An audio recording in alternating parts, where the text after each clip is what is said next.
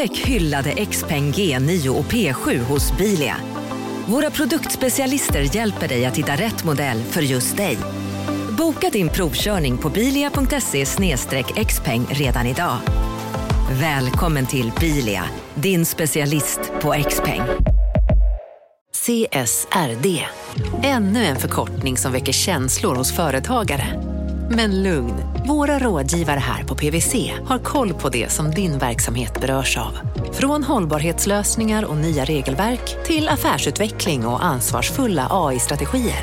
Välkommen till PWC. Välkommen till Unionen. Hej! Eh, jo, jag ska ha lönesamtal och undrar om potten. Ja, om jag kan räkna med övertidsersättning för det är så stressigt på kontoret jag jobbar hemma på kvällarna så kan jag då be om större skärm från chefen för annars kanske jag säger upp mig själv. Och hur lång uppsägningstid har jag då? Okej, eh, vi börjar med lön. Jobbigt på jobbet. Som medlem i Unionen kan du alltid prata med våra rådgivare.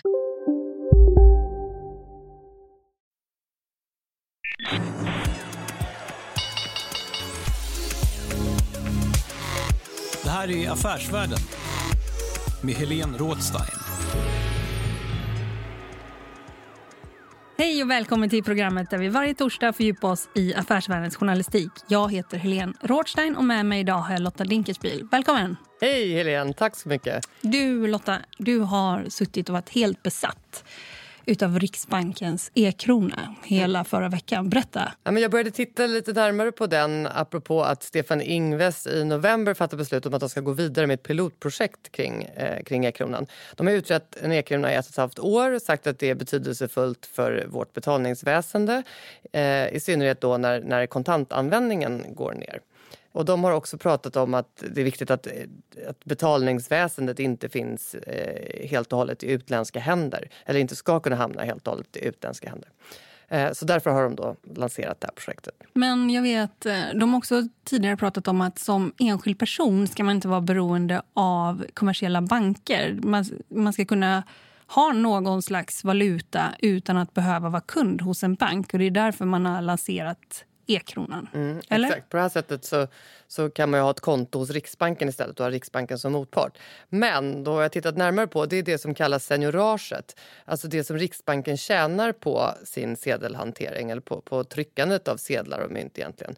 Eh, och det är pengar som de både får eh, genom att, att själva tryckkostnaden kanske bara uppgår till några enstaka ören och valören på, på sedeln kanske ligger kring 100 kronor. Men framför allt så, så har alla de här pengarna i sin balansräkning och kan använda dem för att få avkastning på. Eh, så det faktum att sedelhantering, eller kontantanvändningen går ner eh, det blir väldigt kostsamt. Eller det blir väldigt mycket lägre intäkter för Riksbanken. helt enkelt. Och är det något problem för Riksbanken att det är så? Alltså på kort sikt så är det inget problem. De har inget vinstintresse, det är en samhällelig institution. och de ska, Det är viktigt att de tjänar samhället och in, inte sig själva. Men det är klart att Riksbankens oberoende på sikt äventyras ju om de inte har pengar i kassan. Och dessutom så är det så att de ska ställa upp och kunna, kunna hjälpa till med finansiella muskler i termer, eller när, när Sverige befinner sig i finansiell kris. Det såg vi inte minst att de gjorde 2008. Och då gäller det att de har rejält mycket pengar i sin balansräkning. Men är det också viktigt för staten? Absolut är det viktigt för staten. För mellan 1990 och 2015 då eh, förde, eller tillförde Riksbanken 210 miljarder kronor till statskassan. Så att en stor del av statsbudgeten är finansierad av Riksbanken. Så, så det är egentligen ganska märkligt att inte politikerna driver frågan om en e-krona tydligare. För det skulle vara ett sätt att, eh, för dem att eh, se till att de här intäkterna finns kvar. Men om privatpersoner blir kunder då hos Riksbanken istället? Kan man ta in andra typer av intäkter den vägen? Ränta på kontot menar du? Ja, ja, det skulle man kunna göra. Fast just nu så pratar man i termer av att e-krona ska vara räntefri. Det ska, det ska vara som en motsvarighet till kontanten. Liksom. Du har den, du kan nästan lägga den i madrassen. Fast i mobiltelefonen typ. Och det här kan vi då läsa om i tidningen som kommer eller på sajten om man blir prenumerant och tar del av våra digitala erbjudanden. Exakt, så är det. Ja. Det fanns ju annat spännande i veckans nummer tycker jag. Var, var det något du fastnade för, Elin? Jag tycker det är väldigt kul det här som Göran Lind har varit inne på och det är Volvos avgasproblem. Där det är ganska svårt att... De har själva reserverat ungefär 7 miljarder kronor men det finns ju institutioner där ute som tror att det kommer kosta långt mycket mer än 7 miljarder. Så det återstår väl att se vad som händer med det framöver. Tror du att det blir en smäll som Volkswagen? Nej, det tror jag faktiskt inte. Tror du? Det finns mycket som talar för, för att det inte är, är det. Bland annat har ju Volvo själv upptäckt de här problemen och anmält dem till myndigheterna. Så det har ju liksom framkommit på ett helt annat sätt än Volkswagen-skandalen. Mm. Men nu så ska vi över till något helt annat. Jag har träffat Stefan Stern, han har kommit hit och vi hade en intervju där vi pratade om hans förhållande till makt. För det är en person som inte skyggar för det ordet och som har sökt makt först inom den politiska toppen, inom socialdemokratin och senare inom näringslivet. Först eh, som rådgivare åt Investor, senare in i ledningsgruppen och nu är han bland annat rådgivare åt Nordstjärnan. Han är också en krönikör på Affärsvärlden. Man kan läsa hans krönikor både i tidningen och på nätet. I den här intervjun berättar han varför det är så viktigt att vi har ägare av kött och blod, renodlade kapitalister helt enkelt. Och varför han medvetet har sökt sig till makten, först inom politiken och senare inom näringslivet. Det har att göra med att vara med och påverka vilket typ av samhälle vi ska gå mot. Och vi får också veta vilken typ av samhälle som är hans idealsamhälle. Hela intervjun med Stefan Stern hör du efter budskapet från våra sponsorer. Marknaden sponsras av SPP, pensionsbolaget. Eh, förra gången pratade vi lite om ITP. Och som en kort repetition så, så var det ju 70-tal, arbetsmarknadens parter bestämde att alla tjänstemän ska ha en tjänstepension. Man kom överens om vilka villkor som ska gälla i den här pensionen och så kallade man den för ITP. Så jobbar man idag som tjänsteman i ett företag med kollektivavtal, då har man förmodligen den här pensionen, ITP-pensionen. Eh, och det är ju så att man kan påverka eh, den här pensionen, hur den är placerad. Vart femte år så gör nämligen Collectum, som de heter, en enorm upphandling där olika pensionsbolag kan ansöka om att få förvalta eh, de här pensionerna. Och SPP är ett av bolagen som valdes ut i den senaste upphandlingen. Och sen kan du som pensionssparare välja eh, vilket av de här olika pensionsbolagen som, som då ska få ta hand om dina pengar. Och tanken med den här upphandlingen är ju att liksom kvalitetssäkra de här olika alternativen eh, men också att förhandla fram stora rabatter så att pensionsspararna ska få ja, kunna spara pengar genom att avgifterna eh, som är så viktiga eh, blir eh, lägre. Och vill man välja någonting i ITP-systemet då finns det en relativt ny sajt som heter avtalat.se. Ehm, där kan man gå in och se hur sin ITP-pension är placerad. Jag gjorde det häromdagen faktiskt. Ehm, idén är att hälften av pengarna alltid ligger i något som kallas för traditionell försäkring. Det här gjorde vi ett avsnitt om i podden Kapitalet nyligen eh, som vi kallade världens bästa sparform. kan man lyssna på om man är intresserad. Eh, den andra halvan eh, den kan man också lägga i en traditionell försäkring eller så kan man placera det i något som kallas för fondförsäkring. Eh, SPP som sagt eh, var ju ett av de fåtal bolagen som valdes ut i den senaste upphandlingen och de finns med som alternativ både med en traditionell försäkring och med eh, fonder. Så det var en liten bakgrund till ITP-systemet. Vill man läsa mer om det här eller typ kolla hur ITP-pensionen är placerad, eh, kanske göra förändringar, då går man in på avtalat.se. Eh, men tack säger jag till SPP som vill göra oss människor mer medvetna om hur enormt viktig pensionen är för oss som en framtida lön, men också som en positiv kraft i samhället eh, och förstås för att ni möjliggör eh, den här podden Marknaden. Hjärtligt välkommen till podcasten Affärsvärlden. Tackar, tack så mycket. Och för de allra flesta av våra läsare så är du mest känd från Investor. By far, skulle jag säga. Men du är också långt förflutet inom politiken, framförallt inom den socialdemokratiska toppen.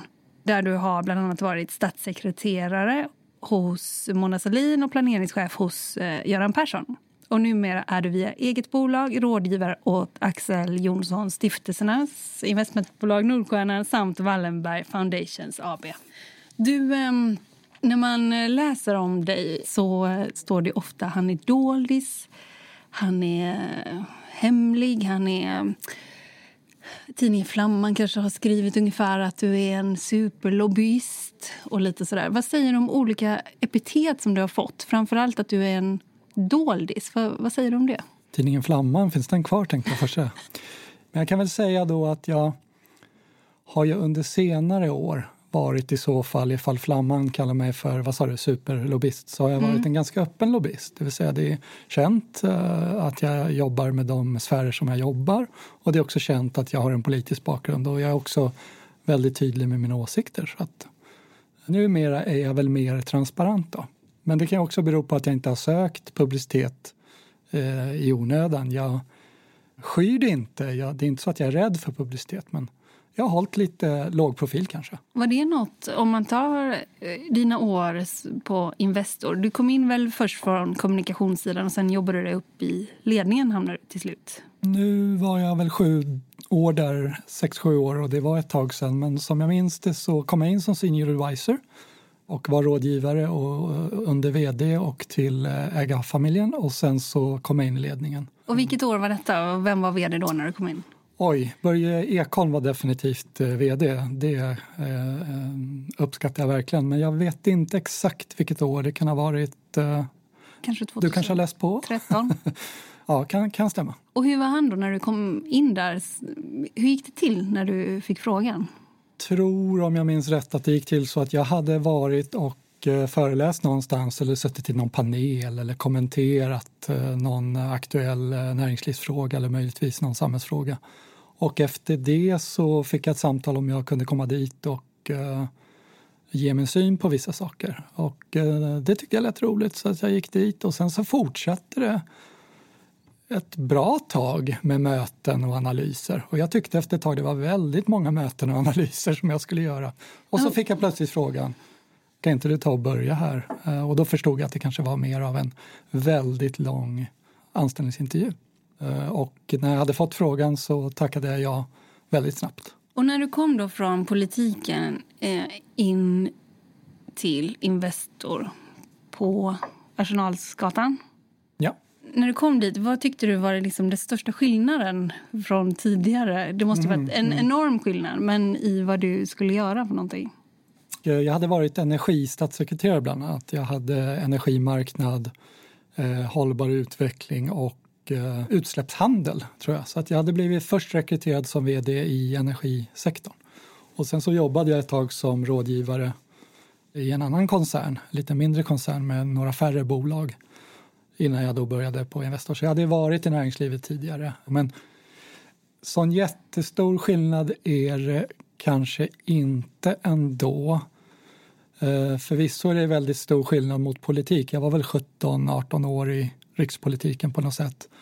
Och det finns en annan logik i politiken vad det finns i näringsliv. Men jag hade jobbat väldigt mycket med både det som är sakfrågor och det som är strategi och kommunikation och så i politiken. Och eh, det har jag gjort rätt mycket i näringslivet också. Kommunikation, samhällsfrågor, samhällspåverkan. Men jag tänker också som liksom det man ska lyfta fram när det är politiskt. Alltså budskapet som ska ut kontra budskapet som ska ut då när man jobbar för att äga bolag. Ja, det är klart, politik är mycket mer mediedrivet än näringslivet. Och eh, politik, rikspolitik, eh, är mycket mycket mer drivet av att synas och kommunicera 24-7, press, radio, tv, nyhetsbyråer dygnet runt än vad företagsamheten drivs av och i synnerhet kanske investmentbolag som inte alltid söker publicitet på det sättet, även om man jobbar rätt hårt med transparens såklart.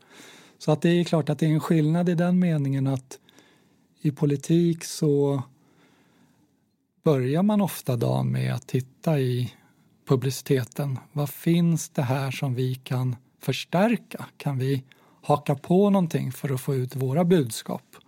Apropå att du använder termen budskap. Eller finns det någonting som vi behöver omedelbart motverka och, och, och det kan vara en kris som, som är på väg och, och då fokuserar man dygnet på att, på att använda medier för att synas. Så, så, så kortsiktigt och medieberoende är ju inte näringslivet. Utan näringslivet jobbar mycket mer långsiktigt. Man, man vill lösa ett problem hos en kund eller en, en, kanske en större kundgrupp eller någonting. Man levererar en vara, en tjänst, en produkt. Man försöker förfina den och förbättra den och man jobbar långsiktigt för att eh, leverera det där så bra som möjligt så att man blir framgångsrikt, många som uppskattar det. Så går det bra, så gör man vinst och så vidare. Det är mycket mer långsiktigt, det är mycket mer uthålligt medan politik har blivit jag brukar säga ibland att, att politikens rytm är egentligen eh, eh, mediedygnets rytm, alltså publicitetens rytm.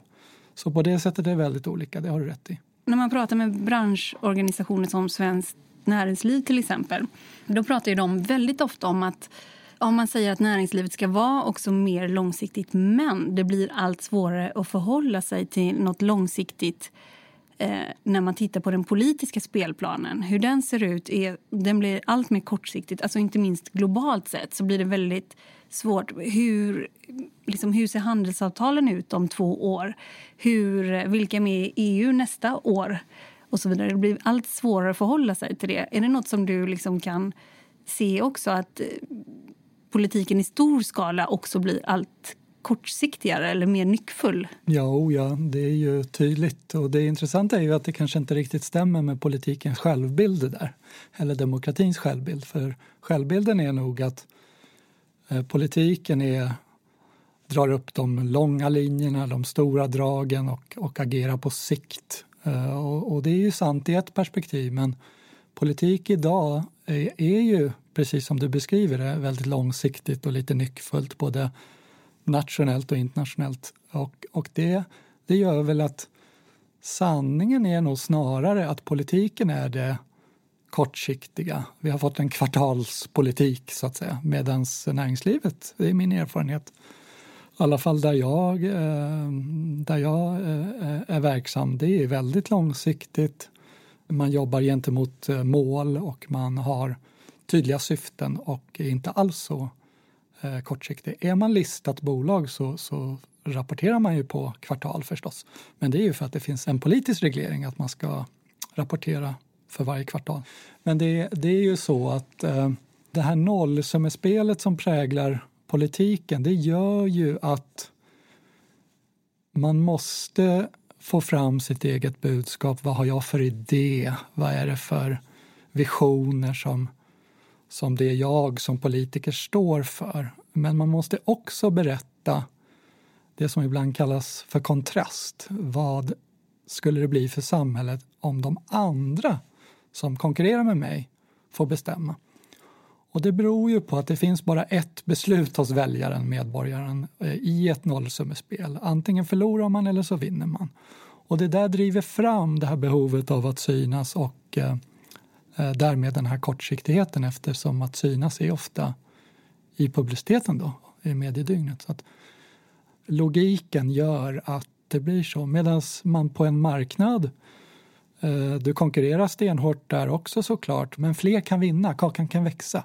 Du kan ha ett partnerskap om du har en kund eller konsument som är kund hos dig ena dagen så kan den vara kund nästa dag eller inom samma dygn hos någon annan. Så det, och du kan bygga partnerskap och så vidare. Det blir inte samma behov av att hela tiden kontrastera mot eh, konkurrenten. Om utvecklingen inom politiken blir mer kortsiktig, tycker du också att eh, inom näringslivet att utvecklingen har gått åt motsatt håll? Eller har den alltid varit långsiktig menar du? Nej, och jag tror att precis som att det är svårt att... Och, och, vi pratar generellt nu. Det är ja. svårt att säga att all politik är på det ena sättet och all näringsliv är på det andra sättet. Men det varierar säkert över tid. Jag menar, eh, näringslivet påverkas också av den agenda som finns i både sociala medier och som finns i, i press, radio, tv, nyhetsbyråer. Alltså tiden vi uppfattar ju att tiden går fortare eh, och att det finns en, en snabbare samhällsförändring. Och det påverkar ju alla förstås, men jag tycker ändå poängen finns där. När Investor fyllde 100 år så var det ju stor fest på Grand Hotel och det var enormt många personer bjudna. 1500 eller någonting. Och i samband med det så var det ju, kom det upp frågor. Liksom skulle Erik Thedéen går dit från Finansinspektionen och vad är muta och vad är inte muta? och sådär. Och det var inte så länge sedan och då var du också ute och pratade om liksom, eh, gränslandet och eh, vad, får man göra och vad får man inte göra som eh, när man representerar en myndighet. Liksom. Men vad säger du som har rört dig mellan de här två sfärerna? Vad är okej och vad är inte okej att göra för någonting? Det är ju en bedömningsfrågor eh, som du måste, så att det ligger i ledarskapet att kunna bedöma vad som är eh, rimligt och inte rimligt. Om du är en myndighetschef och, är, och har din roll och blir eh, inbjuden till någon tillställning då måste ju myndighetschefen bedöma, ligger det här inom ramen för mitt uppdrag och eh, eh följer det regelverket och så vidare. Vi hade ju en hundraårs Eh, jubileum med, med väldigt många inbjudna eftersom det var just ett hundraårsjubileum. Investor har ju verkat i, i landet väldigt länge och har ett enormt eh, nätverk och eh, eh, det berör ju både samhällsfrågor och ekonomiska frågor och så. Så vi hade en väldigt lång inbjudningslista. Och då har du rätt i, jag minns ju hur många av eh, de som var inbjudna fick frågor av journalister huruvida de skulle gå eller inte och de fattade lite olika beslut. Det fanns också en möjlighet att stå för kostnaden själv om man ville det som myndighetschef och så vidare. Så det löste sig. De allra, allra flesta kom till eh, jubileumsfesten och det, det blev en väldigt trevlig, lyckad tillställning. Men hade du räknat med det? Att det skulle också kunna bli en medial fråga? Ja, men det får man räkna med. Eh, det ligger ju i medias uppdrag att kritiskt granska allting som pågår och även ett jubileum på, eh, på Grand Hotel som det var. Eh, det är väl rimligt att de frågar om det, men det är också rimligt att man ger svar och jag tyckte inte att det var särskilt besvärligt att svara på varför väldigt många var inbjudna till Investors eh, 100-årsjubileum. Det var ju också ett företagsevent där vi visade upp eh, väldigt många av bolagen i portföljen och så vidare. Och det där tystnade ganska snart. Men det visar att det är klart att media har sin, sin roll men det visar också att, att man får vara beredd och, och, och hantera allt möjligt en vanlig arbetsdag i den rollen. Du har ju gått från politikens topp in till näringslivets topp. Och jag vet att du har sagt tidigare att du har varit förvånad över att inte fler gör så. Att inte man ser fler som går den vägen. Eller jag menar ju också vice versa. Eh, det vill säga, jag tror ju på eh, ett erfarenhetsutbyte. Jag tror på rörlighet mellan sektorer. Jag tror att de politiska besluten skulle bli bättre om eh, fler från företagsamheten gav sig in och eh, tog ett politiskt uppdrag. Och jag tror eh, också tvärtom att det ökar förståelsen på, i näringslivet om det kan komma sådana som har arbetat en del av sin tid, sin del av sin karriär politiskt. Så Sverige är ett litet land och vi konkurrerar stenhårt på en världsmarknad och det är klart att om vi stänger den här rörligheten, om vi skulle se med ökad misstänksamhet mot eh, att man kan röra sig mellan olika sektorer så tror jag att eh, vi skulle förlora på det. Men för vilka har vi då som har gått andra hållet, som sitter nu till exempel? Vilka har vi från näringslivet som är inne i politiken idag, om jag tänker? Nej, det är alldeles för få tyvärr och det är ju min poäng också att eh, jag skulle vilja se en ökad eh, rörlighet. Eh, men det behöver ju inte vara från ett stort börsbolag in i politiken. Man kan ju ha ett, en erfarenhet från, från ett, att ha drivit ett mindre aktiebolag. Och så går man in i kommunalpolitiken och påverkar i, i hemmamiljön, i vardagen. Eller så kanske man blir, blir så pass samhällsintresserad att man kan ta en, en riksdagsplats eller påverka på andra sätt. Det... Men mer som i USA kan man tänka? Just nu så... mer, mer folk från nöjesbranschen?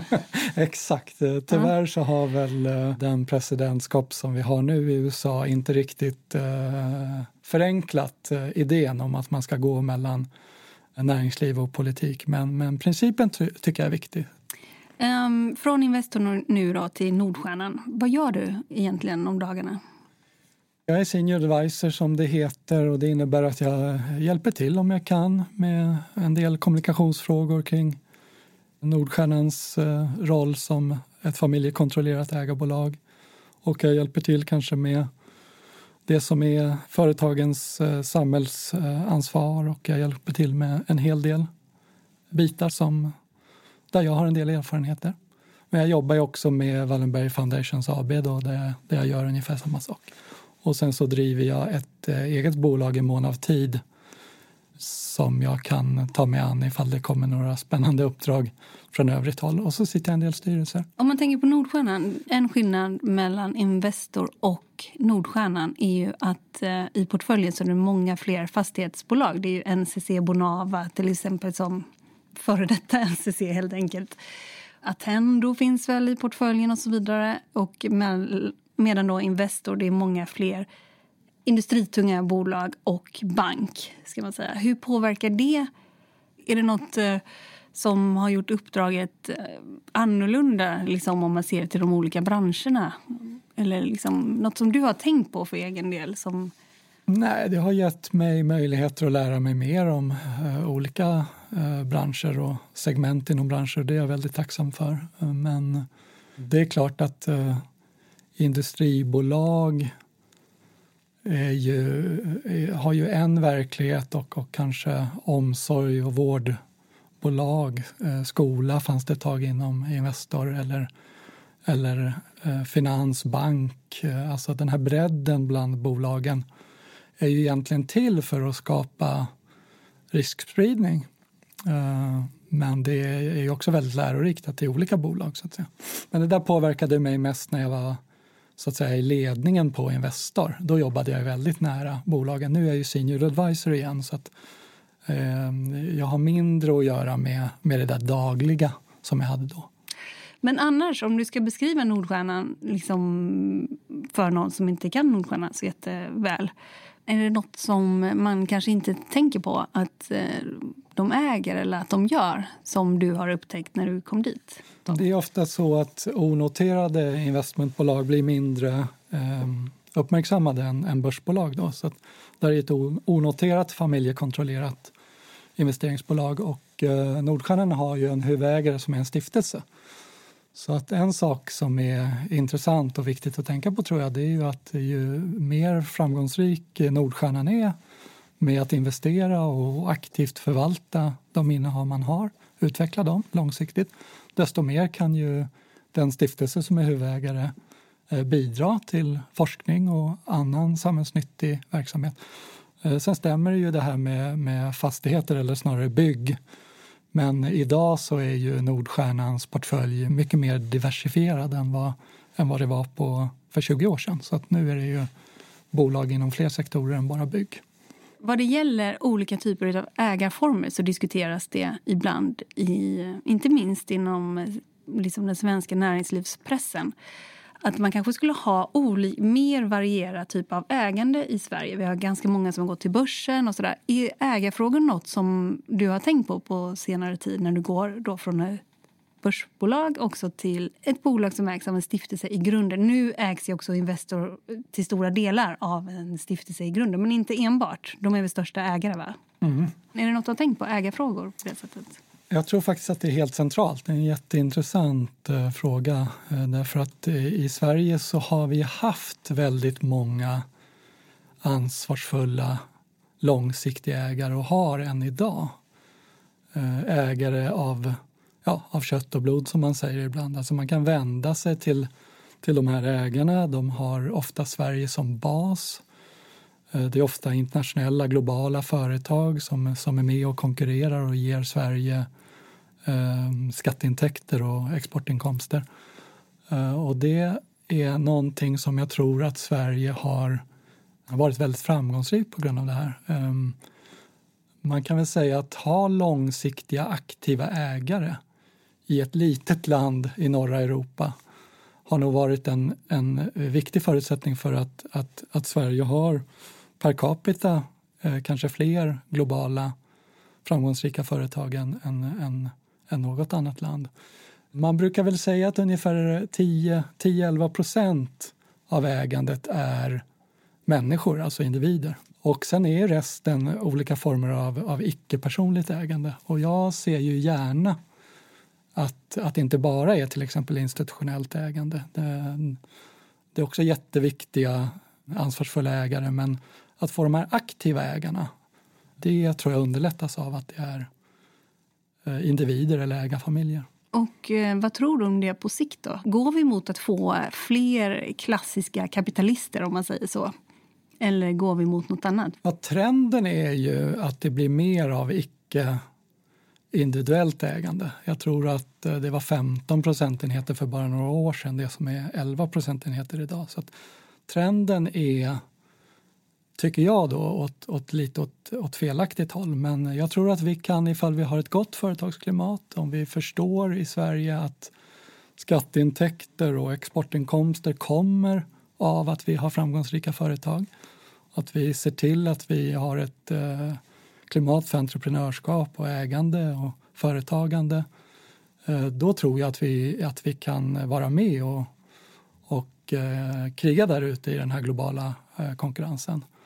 Men det kommer inte av sig självt. Så det här är en fråga som jag brinner för. Jag tycker att politiken måste ta sig en funderare hur vi ska eh, se till att våra svenska bolag, blågula bolag som har som kanske agerar på 100 eller 200 marknader, många av dem, men som ändå har Norden och, och, och Sverige som, som, som sin bas med huvudkontoret här. Hur vi ska stärka dem, se till att, att, att det går bra för dem. Då går det också bra för, för jobb och tillväxt och skatteintäkter och så vidare. Så det är en viktig fråga tycker jag. Och det finns ju många liksom, bolag, inte minst som just eh, Investor har varit eh, stora ägare i, som Atlas Copco till exempel, som är ju ganska liten svensk verksamhet men som eh, säljs 10% i Sverige ens. Nio av tio kronor är inte så ovanligt att man, man tjänar utomlands. Så att säga. Så att det, det, det är inte i Sverige de stora intäkterna kommer. brukar ligga där runt 10% ibland om man pratar generellt. Och det är klart att det är lite det jag menar att samtidigt som vi måste se till att de här kan fortsatt eh, vara med och konkurrera globalt så ett gott företagsklimat det handlar ju också om att ha en grogrund för bolag som ännu inte har startats. Eh, samtidigt som, som de bolag som redan är stora och, och eh, kan fortsätta expandera och ta för sig på världsmarknaden så måste vi se till att vi fyller på i basen. Så att vi har en miljö för, för startups och en miljö för, för nya bolag som kan bli större, medelstora och på sikt stora. Men vad tycker du är viktigt rent politiskt som ska göras? Vad ska göras? Ja, Sverige konkurrerar ju ofta högst upp i förädlingskedjan Eh, det här är bolag som, som levererar ganska avancerade både tjänster, varor och produkter. Så att kompetensförsörjning, utbildning, eh, se till att och, och, och, och kunna eh, konkurrera med, med avancerad kunskap. Eh, det, det, är viktigt och då är ju kompetensförsörjning och matchning helt avgörande. Men sen har vi också en växande tjänstesektor och att underlätta för den så som vi kanske har gjort senaste ja, 10-15 åren i alla fall. Ehm, och då menar jag, vi har alltid haft en, en stark tjänstesektor men, men också tjänster som är lite mer vardagsnära. Det tror jag är, är, är viktigt. Vi har ju ganska höga trösklar på både arbetsmarknaden och bostadsmarknaden så det, det tror jag är en viktig eh, politisk fråga att börja ta itu med. Du har ju pratat ganska mycket om att eh, Sverige är reformfattigt. Att eh, fyra förlorade år, kanske till och med åtta förlorade år med Reinfeldts sista regering. Då. Vad skulle du säga är liksom de viktigaste reformerna enligt ditt synsätt som bör komma på plats? Och kanske ska tilläggas att du är inte politisk längre. Du är helt apolitisk, va? Eller? ja, ja, det var länge sedan ja. jag var eh, engagerad i något politiskt parti men jag har ju kontakter och, och, och, och följer eh, inte partipolitiken, men den politiska utvecklingen. Ja, jag tycker nog vi eh, har varit farligt nära en ganska lång period av, om inte förlorade år, så i alla fall väldigt få reformer som Sverige ska leva på framöver. Om vi tänker tidigt 90-tal så gjordes en hel del eh, av både blå och röda regeringar, det vill säga det kom en avreglering, det kom en ganska många reformer som, som så småningom skapade nya marknader. Eh, finanskrisen var ju inte rolig för någon men, men det skapades ändå en hel del eh, regelförenklingar och sånt som, som Sverige så småningom eh, mådde bra av. Och eh, även under Reinfeldts första år så tycker jag nog att det hände en hel del. Men sen så har det varit några år nu av, av väldigt få strukturella grepp. Och det verkar ju vara så att den här mandatperioden, om, om, om, eh, om vi ser på de här 73 punkterna i, i den här uppgörelsen som finns, kanske, kanske lite grann eh, ändra på det där och eh, om det genomförs så, så finns det nog en hel del i det där som, som, som får fart på reformperioden igen. Du är positivt inställd. Ja, om jag tittar på själva agendan på programmet så finns det en hel del där som jag tycker är bra. Om du tittar på värnskatten så har det som jag ser i mångt och mycket varit en skatt på utbildning. Eh, det vill säga, har du eh, satsat väldigt mycket på att studera vidare och Eh, växt din kompetens så är det klart att då eh, om, om, om skatterna blir för, för höga just på, på de inkomsterna som ligger över de här brytpunkterna så, så till slut så, så lönar det sig kanske inte att utbilda sig. Sen har du då en hel del grepp kring, kring både bostadsmarknad och, och arbetsmarknad som jag tror kan, kan vara värdefullt. Uh, nu, nu jag mig generellt och inte om alla 73 punkter. Men det jag menar är att det verkar gå nu från fyra år då väldigt lite hände till eh, några år här framöver där, där mer kan komma på plats. Och, det, och det, det, tror jag är bra. Sen lägger jag ingen värdering i vilka som skulle göra upp med vilka partier och vilka som skulle regera med vem och så vidare. Men jag tittar på reformtakten verkar öka här. Det tror jag är bra. Hur kommer det sig tror du? Ja, eh, det beror på väldigt många saker. Dels så fanns det ju ett behov av Eh, reformer efter de här åren av lite mer stiltje. Men sen var det ju den politiska logiken som skapade den här situationen som jag ser det. Eh, det vill säga man skulle låta två partier fortsätta att regera i själva regeringen. Och utanför själva regeringen så fanns det sex andra partier. Och två av de här sex andra partierna släppte igenom en regering som de själva inte satt i. Och då ville man ha eh, sakpolitiska uppgörelser för att, för att göra det. Man kan säga lite grann att regeringsmakten har frikopplats rätt stor del från den sakpolitiska makten. Det vill säga eh, statsvetarna har redan börjat prata om att vi har fått en regering som kanske samordnar och förvaltar sakpolitik och inte själva styr det sakpolitiska innehållet på, på ett sätt som vi kanske har varit vana, varit vana med förut. Det, det är en ny politisk karta delvis som är eh, intressant och som jag också tycker skapar en hel del möjligheter just för att få igenom reformer. Om man kollar då på Socialdemokraterna så kan man ju se också att de frikopplar sig ju lite från LO. Jag har för mig att du har sagt att eh, de tidigare också bromsade flera initiativ från socialdemokratiskt håll. Ja, det har jag säkert varit inne på eh, några gånger när jag har framträtt någonstans. Det jag menar är att jag tror att på sikt så är det svårt för både ett politiskt parti men också för en organisation eh, i form av LO att ha en samverkan som, som skapades i, i en helt annan tid. Eh, eh, Eh, det är ju färre än hälften av LOs medlemmar som idag röstar på S. Och det är klart att det blir svårare och svårare för LO att motivera varför man ska stödja ett parti som eh, bara en minoritet av, av medlemmarna eh, röstar på. Men det som jag kanske var inne på, det du tänker på, det är också att LO blir ju, och fackföreningsrörelsen kan ju tendera att bli en bromskloss på, på samhällsutvecklingen och då kan det också vara negativt för, för ett parti eller en regering, regeringsparti som nu har, har gått med på en förändringsagenda. Så det där blir nog inte eh, jätteenkelt för dem. Mm, det tror jag inte. När man kommer in på lite arbetsmarknadsfrågor eh, så har det också debatterats väldigt mycket om arbetsmarknadens parter har varit lite oense eh, tidigare, framförallt förra året, hur, hur, man ska göra med nyanlända som kommer hit och det här enkla jobb som diskuterades, som jag tror att de har kallat något annat nu. Är, man ska inte säga enkla jobb.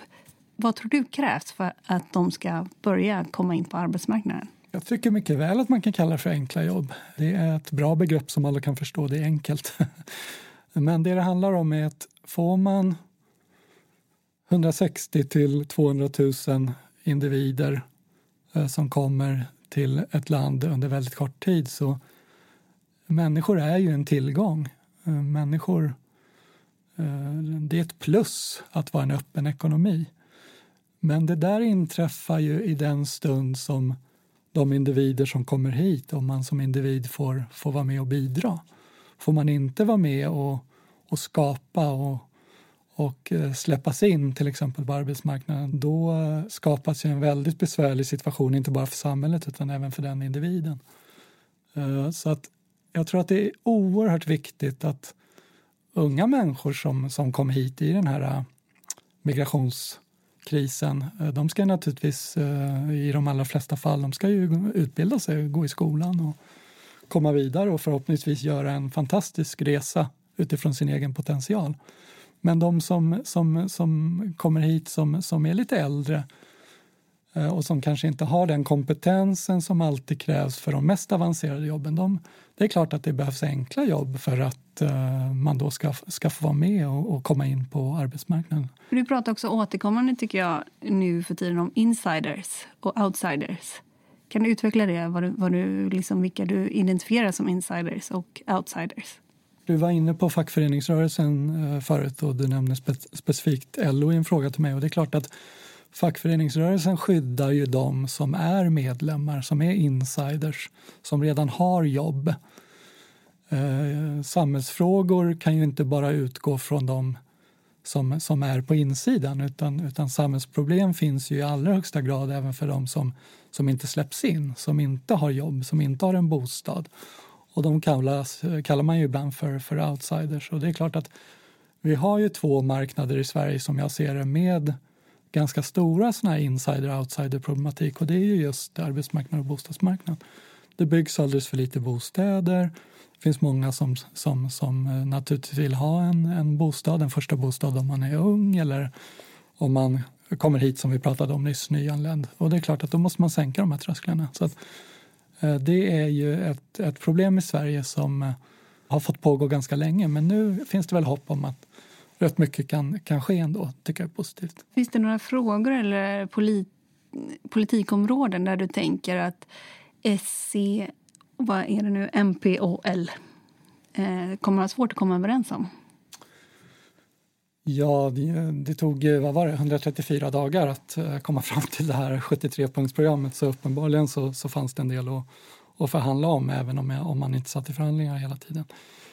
Jag tror att eh, det kommer bli besvärligt naturligtvis eh, på många av de här områdena ehm, som, som man både har förhandlat fram men som nu ska följas upp Djävulen sitter som bekant i detaljerna så nu ska man tillsätta utredningar, man ska skriva direktiv till dem, man ska enas om en utredare, man har tidsatt eh, och ungefär inriktning på vad, vad leveransen ska vara. Så det är klart att det kommer vara en, en besvärlig resa eh, och jag tror inte minst då för, för de två regeringspartierna som har fått gå med på, på väldigt mycket som man innan valet sa som man egentligen gick till val på att, att, eh, att eh, inte genomföra utan hindra. Eh, men det kan naturligtvis bli besvärligt för både Centern och Liberalerna även från, från det andra, andra hållet.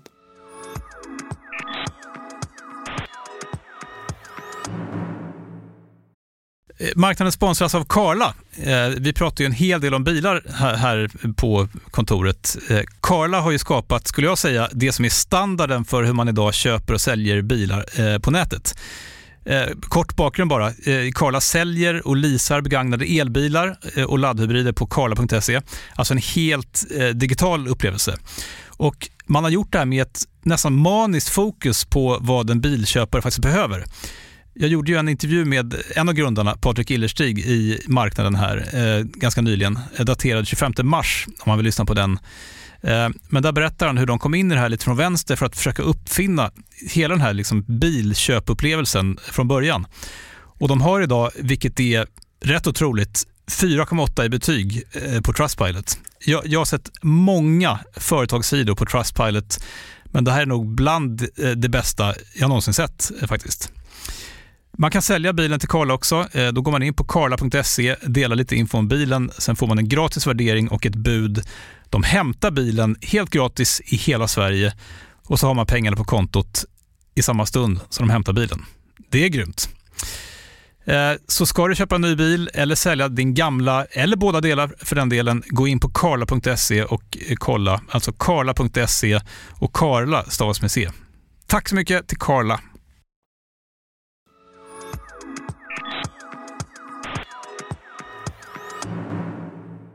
Under dina tre, fyra år på Investor i ledningsgruppen, vad är du mest nöjd med vad du lyckades genomföra? Jag är mest nöjd att jag fick vara med och, och, eh, och bidra och, och hjälpa till.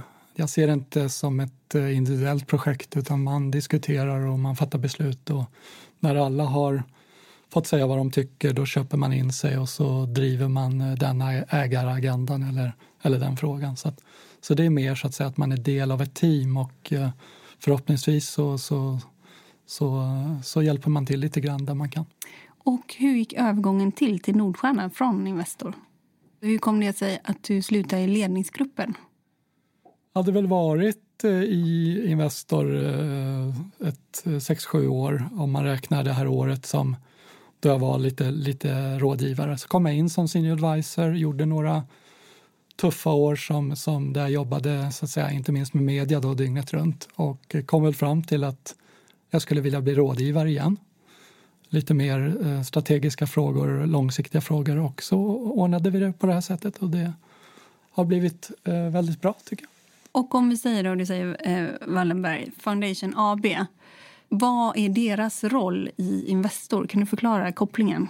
Ja, det, det är ju inte en roll i Investor utan Investor är ju ett av de bolag som stiftelserna, Wallenbergstiftelserna äger. De äger ju en hel del bolag direkt under den största stiftelsen då som är eh, KAW. Eh, och sen så äger de även en stor del av Investor och FAM och en del andra bolag. Så de kontrollerar ju ägandet i bland annat Investor. Och då finns det ett eh, bolag där som heter Wallenberg Foundation AB som jobbar en hel del med att hålla ihop det här ägandet och nätverksfunktion och eh, en del eh, samhällsfrågor och omvärldsanalys som gynnar företagandet och gynnar bolagen. Så. Men du är en av flera rådgivare. Träffar du de andra rådgivarna? Det händer väl att vi eh, kopplar upp oss eller vi är med på telefon. Eller, det är väldigt många människor som reser hela tiden och man är kanske på olika platser och så. Men det finns ju moderna redskap nu för tiden så att man eh, pratar med varandra på olika sätt. Finns det någon konflikt i att du är rådgivare åt två olika ägarfamiljer? Ja, man får nog vara noga med att det är Wallenberg Foundation AB och, och Nordstjärnan. Men, men det är inte så ovanligt att man när man arbetar med kommunikation och samhällsanalys och eh, eh, lobbning då för att använda en term som du använde förut. Så att, att man, man har olika uppdragsgivare så det får man, det får man hantera. Och är man som i det här fallet i lite olika branscher och eh, eh, man är överens om att, att det går att hålla rågången så, så är det inga problem. Det här är mina ord, men du var först i toppen på Socialdemokraterna. Sen gick du till toppen av näringslivet och nu fortsätter du toppen av näringslivet. Det finns ju någonting här med... Du är liksom där makten finns. Eh, vad tänker du kring dels ordet makt som kan vara lite tjatigt kanske ibland i media. Men hur ser du själv på det? Att det är där du vistas? Och det är där du liksom... Det är där du har varit under din stora delar av din karriär. Ja, jag har haft fördelen att först få jobba politiskt och nu så får jag vara rådgivare i, i näringslivet. Och det är klart att um, på sätt och vis så handlar det ju om samhällsförändring. Eh, det vill säga även företag är ju med och förändrar samhället. Man löser problem genom, genom vad man levererar i form av varor, tjänster och produkter. Eh, och, eh, eh, Sverige är ju ett litet land så att när man jobbar med, med, med politik och näringsliv så, så är det klart att det kan beskrivas som, som, som att man jobbar nära makten. Jag, jag ryggar inte tillbaks för ordet eh, makt. Det är klart att makt eh, behövs ju om Eh, om man vill vara med och, och, och förändra. Så det tycker jag inte är så konstigt.